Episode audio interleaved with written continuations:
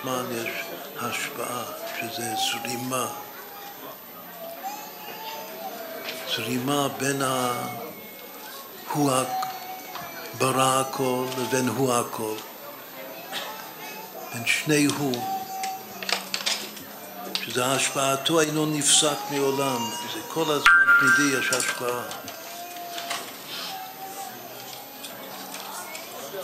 עכשיו ההשפעה הזאת, כמו שהוא קצת ירמוז בהמשך, וכמו שמסביר את זה יותר בהרבה מקומות בהמשך הספר,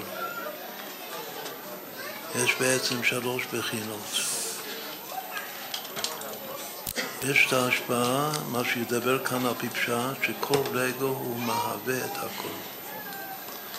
מחדש בטובו בכל יום תמיד מעשה בראשית.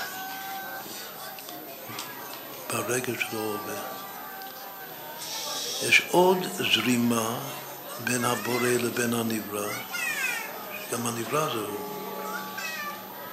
שזה קוראים לזה השגחה, שמשגיח על הכל. כל הזמן עיניו פיקוחות, להשגיח הכל מעשה בראשית. דבר שלישי, זה מה שהוא כתב כאן, שהשפעתו אינו נפסק מעולם. שהוא משפיע, משפיע ברכות, משפיע זה כמו מברך, שפע ברכות.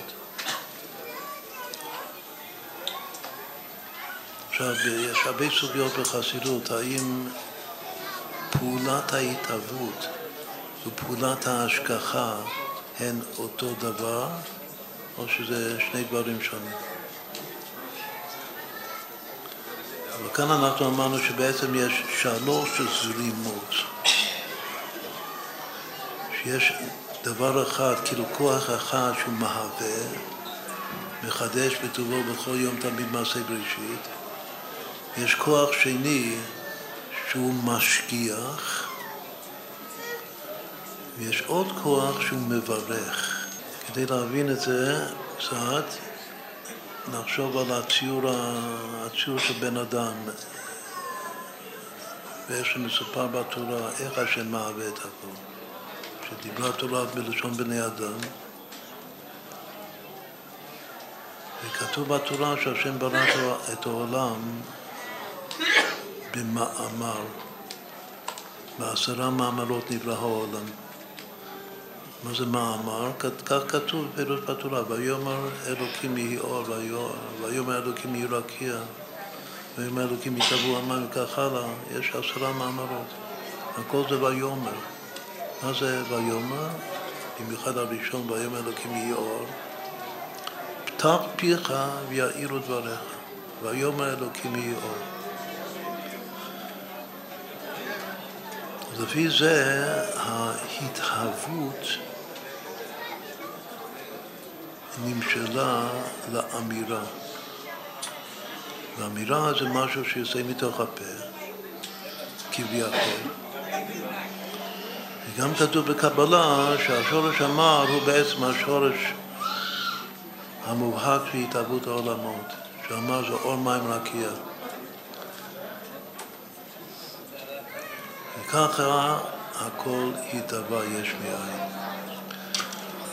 אז אם כן, התאהבות היא אמירה. מה לגבי השגחה?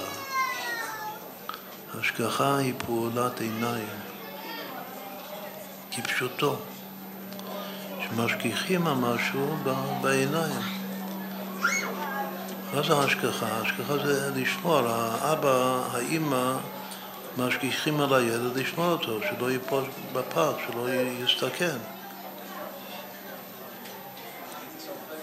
עכשיו אפשר לומר שלהשקיע זה גם לעשות, להיטיב איתו, אבל עיקר ההשגחה זה פשוט לראות מה קורה, להיות מודע, או לומר את זה בצורה אחרת, שעיקר ההשגחה זה שאני איתך.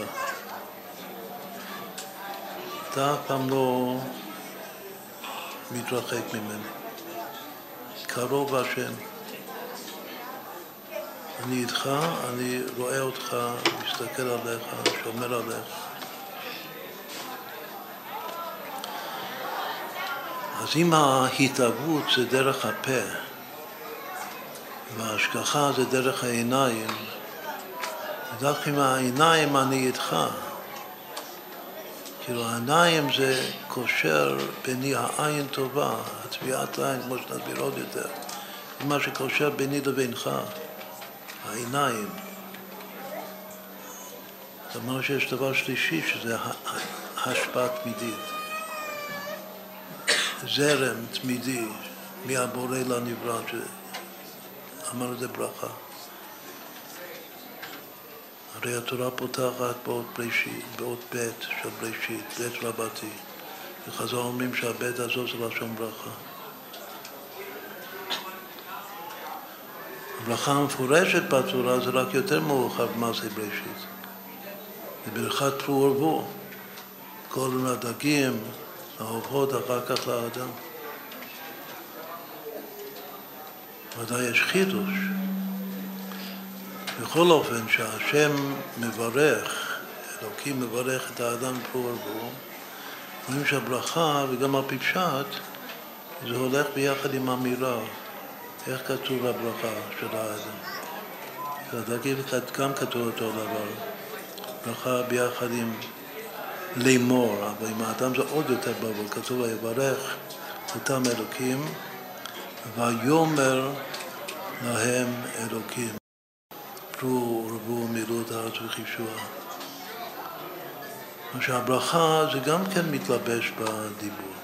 אני מבלה אותך בדיבור, כמו שאתה הולך לצדיק, אתה הולך, אנחנו עכשיו אצל דוד המלך ואצל רבי אליעזר ודישו, רוצים שיברך אותנו, איך יברך אותנו? בפה שלו יברך. אבל הכוח לברך, מאיפה זה בא? זה בא מהעיניים. וטוב עין הוא יברך. בלי טוב עין יכול, כנראה שרק פה זה מספיק בשביל לעבוד.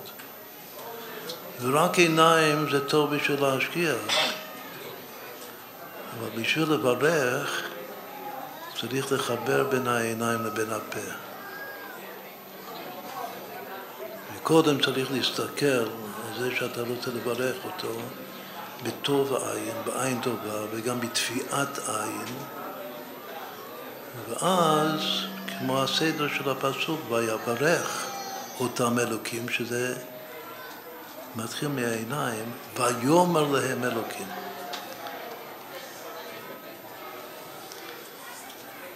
הברכה בעצמה זה המשכת שפע, כמו בשבת, עוד פעם כתוב ויברך. ויברך אלוקים את יום השביעי ויקדש אותו. ברכו במן.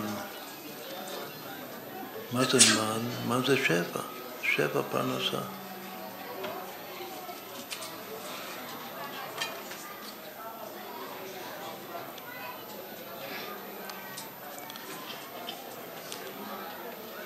עכשיו כל זה, זה רמוז כאן, שיש פה שלושה ערוצים של זרימה בין הבורא לבין הנברא. הכוח המהווה והמשגיח, העיניים המשגיחות והברכה, ההשפעה, השפע, שלא נפסק לרגע.